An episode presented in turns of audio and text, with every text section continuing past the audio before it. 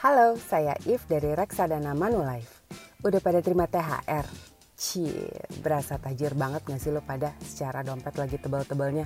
Tunjangan hari raya, datangnya setahun sekali. Ya ada sih yang datangnya setahun dua kali, nggak usah diomongin lah ya, bikin iri. Tapi intinya ya namanya juga tunjangan hari raya.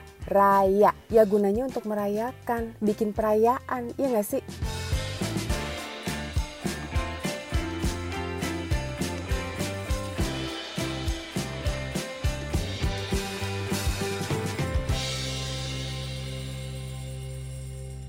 Jadi menurut aku THR itu mestinya dihabisin untuk merayakan.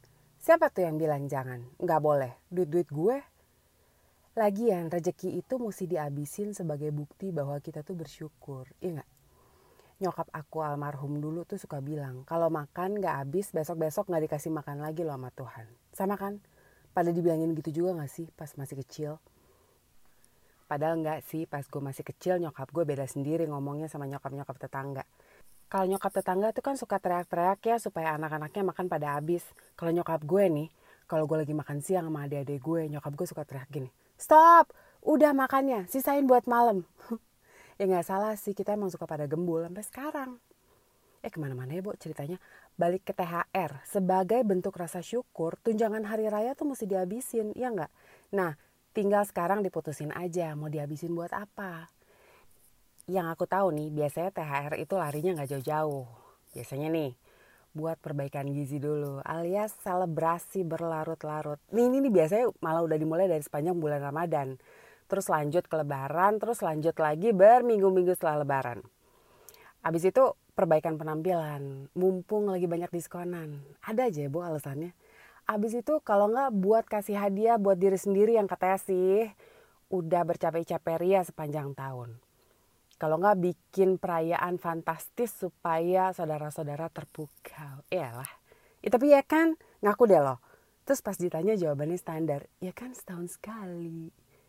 Nah bener setahun sekali. Makanya THR itu so special. Ya dong. Dan kalau sesuatu itu spesial banget, mestinya dipakainya juga buat sesuatu yang spesial juga ya nggak? Tepatnya sesuatu yang efeknya spesial. Jangan yang efeknya cuma nambah lingkar pinggang atau nggak cuma berhasil bikin saudara-saudara nyinyir sebentar doang. Kurang cakep.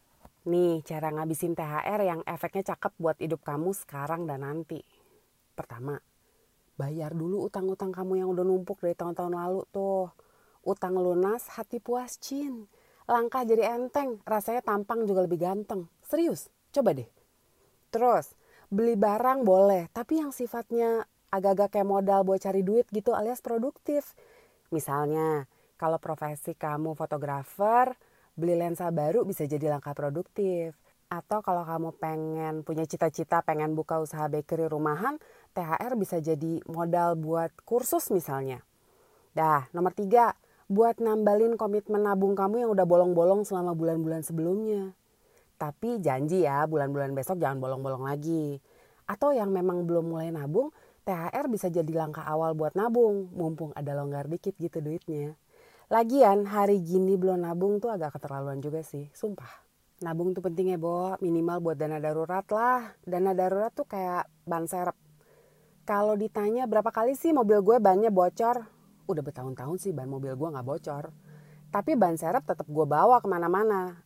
Ya maksudnya gue bawa di mobil bukan gue jijing-jijing juga ya bo. Berat. Alasannya kenapa?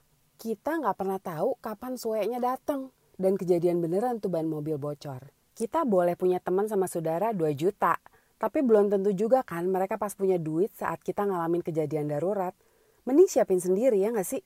Nah THR ini bisa jadi kesempatan kita juga buat nyiapin dana darurat.